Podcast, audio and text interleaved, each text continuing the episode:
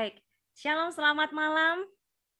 Bapak Ibu Saudara yang dikasih Tuhan ya, sambil menunggu Pastor Daniel untuk hadir bersama kita di Zoom pada malam hari ini ya.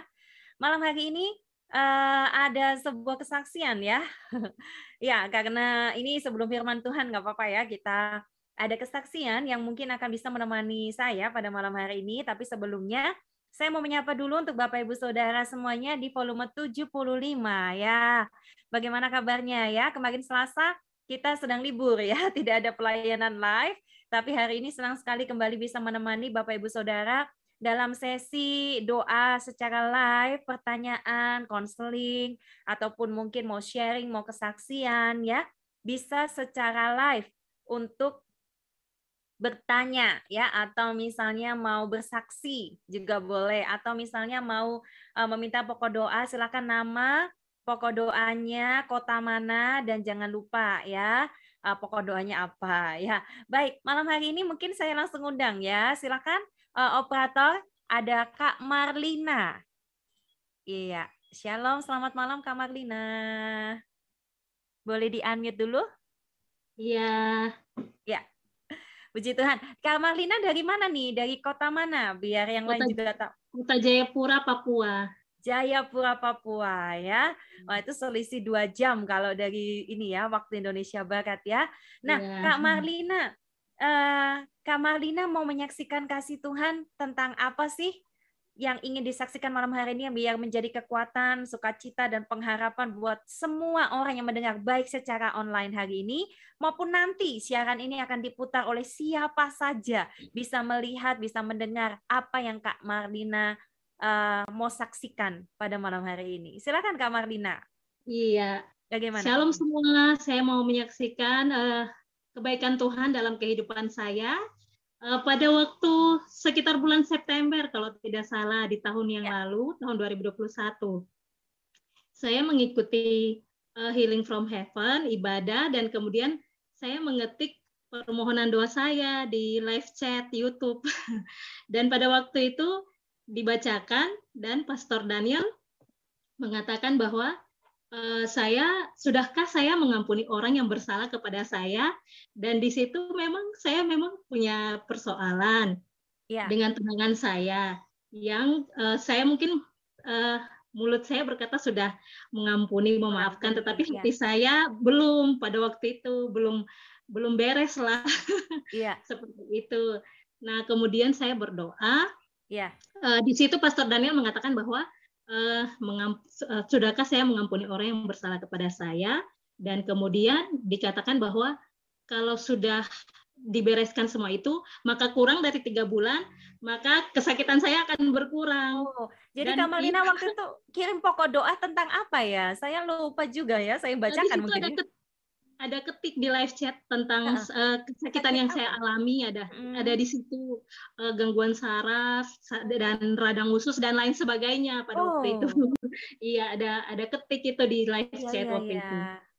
Nah pada waktu itu juga saya lemah sekali waktu ikut ini. Bad, saya badannya iya, lemah ya? Hmm. lemah semua kak. Saya tidak bisa ngapa-ngapain tidak bisa bikin apa-apa kak. Hmm. mau kerja sendiri uh, cuci pakaian sendiri juga tidak bisa, bisa. kak. Jadi ternyata iya. kak Marlina ini uh, ketika Pastor Daniel bilang begitu, ini mengingatkan juga uh, kak Marlina apa benar ya? Aku ini sudah mengampuni belum gitu? Ternyata ada seseorang yang belum diampuni begitu ya kak Marlina? Iya, ya? iya benar benar kak. Seseorang yang nah. menyakitkan hati pastinya ya. Iya pastinya kak, oh, gitu, benar ya. sekali. Dan gimana nah, pada proses, saat uh, gimana kak Marlina? Ya saat Pastor Daniel mengatakan Waduh, benar sekali. Saya memang hati saya belum belum ini belum beres. Nah, dari situ pada saat Pastor Daniel mengatakan bahwa saya harus mengampuni orang yang bersalah kepada saya, selanjutnya langsung saya uh, berdoa, selalu berdoa dan mengampuni orang yang ber, bersalah kepada saya. Setelah saya mengam, uh, berdoa terus, selalu saya mengambil waktu untuk berdoa, uh, mengampuni orang yang bersalah kepada saya, Kemudian setelah itu pada bulan Desember, ya. Desember saya sudah mulai puji Tuhan, saya sudah uh, bisa beraktivitas kak, sudah hmm. bisa keluar rumah. Sebelumnya tidak bisa kak, tidak oh. bisa keluar rumah ke mana-mana tidak bisa karena sakit kak. Badan lemah ya. Hmm. Iya di rumah saja. Jadi Dan, karena hatinya juga sedih ya, hatinya sakit, iya. jadi badan juga ikut sakit semua ya. iya. jadi uh, pada saat itu ya puji Tuhan bulan Desember saya bisa uh, pemulihan terjadi, saya sudah bisa beraktivitas, sudah bisa bekerja, mencuci piring, bisa mencuci pakaian dan lain sebagainya. Jadi coba sekarang tunjukkan nih wajah yang penuh sukacita yang sudah dibebaskan Tuhan Yesus nih ya. So, wah ya saya kalah nah, saya mengucap sama Kak Marlina nih. Gimana? Saya mengucap syukur kepada Tuhan Yesus. Tuhan Yesus sangat baik dalam kehidupan saya. Tuhan Yesus Amin. menolong pergumulan hidup saya dan uh, kepada teman-teman yang menyaksikan uh, kesaksian saya uh, iman kalian harus tetap uh, bertumbuh ya jangan uh, patah semangat dengan keadaan yang kalian sedang alami mungkin sakit atau keadaan apa pun itu kalian harus tetap mengucap syukur dalam segala hal. Jangan di saat senang saja, tetapi di saat sedih atau saat susah, kalian harus tetap mengucap syukur dan tetap beriman. Nah, kalau kalian mempertahankan iman kalian, percayalah akan ada mujizat bagi pergumulan hidup kalian. Doa-doa yang kalian naik naikkan kepada Tuhan pasti akan dijawab, dapat jalan keluar. Amin. Betul sekali ya. Wah, luar biasa sekali ya. Memang sakit hati itu lebih bahaya dari sakit tubuh ya. Sakit tubuh kita jelas hmm. oh ini sakit apa, tapi sakit iya. hati ini lebih bahaya bisa menjauhkan kita dari Tuhan. Tapi untung ya Kak Mardina ini mengambil sebuah langkah yang sangat tepat, tidak membiarkan rasa sakit itu terus ada di dalam dan melemahkan iman kita, melemahkan tubuh kita, jiwa kita, tapi bangkit kembali ya. Sekarang Kak Marlina sudah iya. berseri-seri walaupun di sana sudah malam sekali ya di Papua, iya. tapi tetap segar, tetap semangat untuk bersaksi. Terima ya, kasih amin. banyak Kak Marlina ya, buat kesaksiannya. Tuhan Yesus memberkati. Ya. Baik ya. Baik Bapak Ibu Saudara ya, itulah kesaksian dari Kak Marlina malam hari ini. Dan sebentar lagi kita mau dengar firman Tuhan yang akan disampaikan Pastor Daniel Hadisien.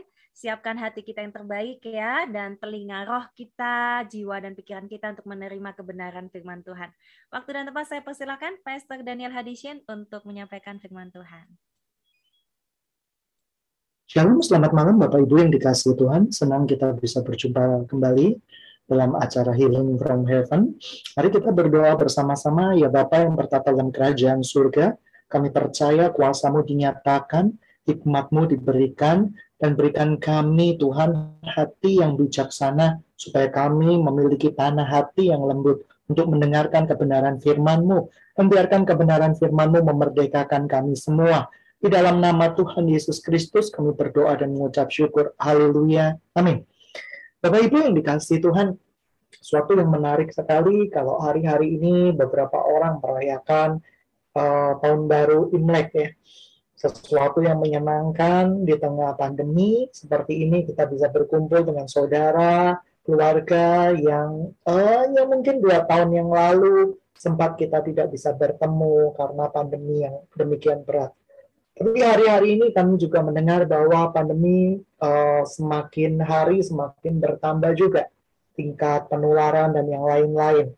Apa pun itu, saya percaya Tuhan tetap Tuhan kita Tuhan yang tidak pernah meninggalkan perbuatan tangannya, Tuhan yang selalu setia menjaga kita. Keadaan boleh terjadi di dalam kehidupan kita.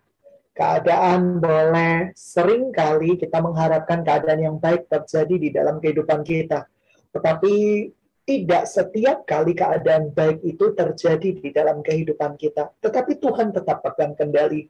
Jangan khawatir, dalam segala perkara Tuhan pegang kendali. Tuhan mendatangkan kebaikan bagi orang-orang yang mau percaya penuh kepadanya. Mungkin sekalipun kita sering kali mengalami kebimbangan, sering kali kita mengalami keraguan. Mana Tuhan? Apakah Tuhan ada? Apakah Tuhan mencintaiku? Apakah Tuhan besertaku? Nah, Bapak Ibu, saudara-saudari yang dikasih Tuhan, itu adalah perasaan-perasaan keraguan-keraguan yang sering dialami oleh manusia tetapi kita kesampingkan perasaan-perasaan itu, kita mata kita tertuju kepada Tuhan, bahwa Tuhan sanggup memulihkan semua keadaan. Saya percaya, apa pun keadaan yang sedang dialami bangsa ini, Tuhan Yesus pegang kendali. Tuhan Yesus tidak pernah merencanakan rancangan-rancangan malah petaka atau keburukan, tetapi dia merancangkan masa depan yang penuh kemenangan bagi orang-orang yang mengasihi dia. Dan Bapak Ibu saudara-saudari yang dikasihi Tuhan, ketika kita bertemu dengan keluarga, tentu saja ada cerita satu dan cerita yang lain. Ada cerita keberhasilan dan cerita kegagalan. Bapak Ibu, apakah kita ketika mendengar keluarga menceritakan keberhasilan, kita menjadi marah, kita menjadi iri hati, kita menjadi emosi, kita hati kita menjadi tidak baik. Ketika kita berkumpul dengan teman-teman kita, mereka menceritakan kesuksesan mereka, apakah kita menjadi panas hati, iri hati, atau malah kita ikut bersuka cita dengan mereka, bersenang dengan mereka. Bapak Ibu yang dikasih Tuhan, ketika kita mendengar cerita kegagalan, apakah kita menertawakan, apakah kita dalam tanda kutip mensyukuri kegagalan saudara kita atau sahabat-sahabat kita?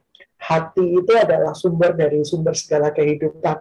Kalau hati kita tidak bersih, maka kelakuan kita pun tidak bersih.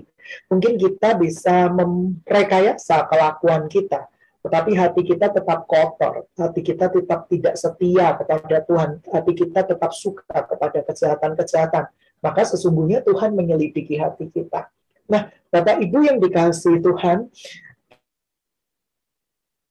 kita mau belajar sekarang kebenaran firman Tuhan yang terambil dalam kitab Amsal. Amsal 19, ini adalah nasihat-nasihat yang luar biasa buat kita semua. Nah, lebih baik seorang miskin yang bersih kelakuannya daripada seorang yang serong bibirnya lagi bebal. Ini adalah sebuah komparitas yang luar biasa, perbandingan yang luar biasa. Tuhan berkata bahwa lebih baik nggak memiliki apa-apa, tapi kamu bersih jalan-jalanmu daripada kamu serong bibir, bebal, dan itu mendatangkan uh, malapetaka bagi kita yang melakukannya. Tuhan itu merindukan kehidupan kita ini bersih di hadapannya. Tuhan tahu kita tidak bisa melakukannya sendiri. Oleh karena itu Roh Kudus ada di dalam hati kita.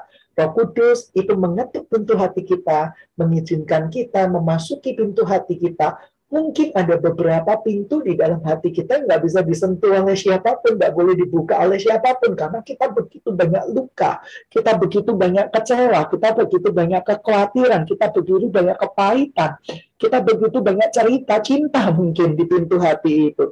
Tapi ketika kita mengizinkan Roh Kudus membuka pintu hati kita dan menyelesaikan semua permasalahan-permasalahan kita, saya percaya akhir yang baik selalu terjadi di dalam kehidupan kita.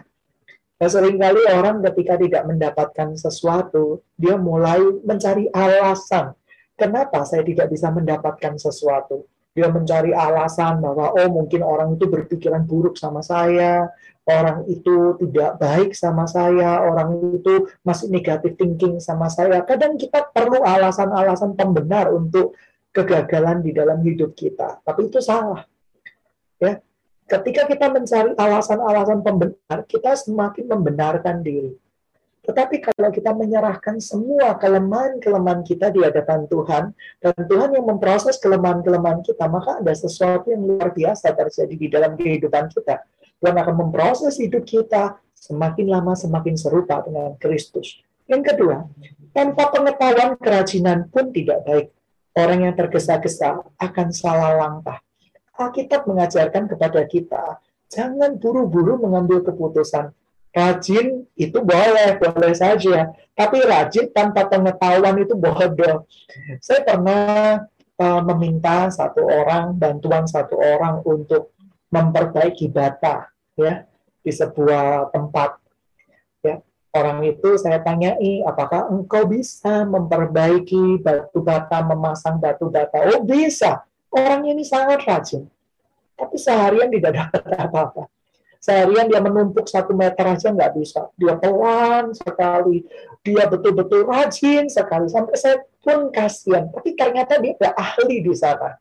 Dia nggak punya pengetahuan di dalam memasang batu bata itu.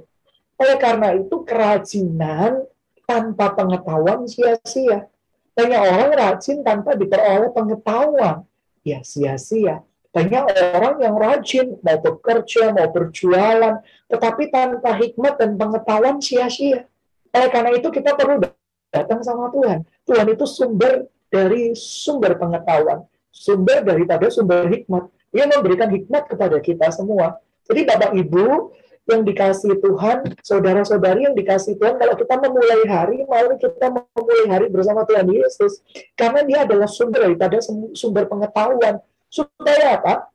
Supaya kerajinan kita, misalnya kita sedang bekerja, kerajinan kita menghasilkan sesuatu. Bukan hanya sekedar rajin tapi tanpa pengetahuan tanpa hikmat. Sehingga akibatnya ya percuma semuanya akan jadi sia-sia semuanya akan terjadi begitu lambat.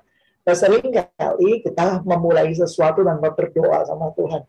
Berdoa kepada Tuhan artinya meminta hari kita ini diperintah oleh Tuhan meminta hari kita ini untuk diserahkan sama Tuhan di dalam nama Tuhan Yesus Kristus untuk hidup kita, untuk keluarga kita, sudahkah kita menyerahkan semuanya di dalam tangan kasih Tuhan? Tuhan kita ini setia dan adil yang tidak pernah meninggalkan perbuatan tangannya. Yang ketiga, Amsal 19 ayat 3, kebodohan menyesatkan jalan orang, lalu gusarlah hatinya kepada Tuhan. Ya orang bodoh itu adalah orang yang uh, tidak mau mendengarkan nasihat orang lain, tidak mau berdoa kepada Tuhan, tidak mau memulai hari kepada Tuhan. Saya banyak menemukan orang-orang yang mundur dari pelayanan, mundur dari ah sudah nggak usah kerohanian-kerohanian. Uh, ternyata selidik punya selidik memang mentalnya salah sih. Mentalnya dia datang ke dalam sebuah persekutuan hanya untuk cari jodoh dan setelah jodoh sudah dapat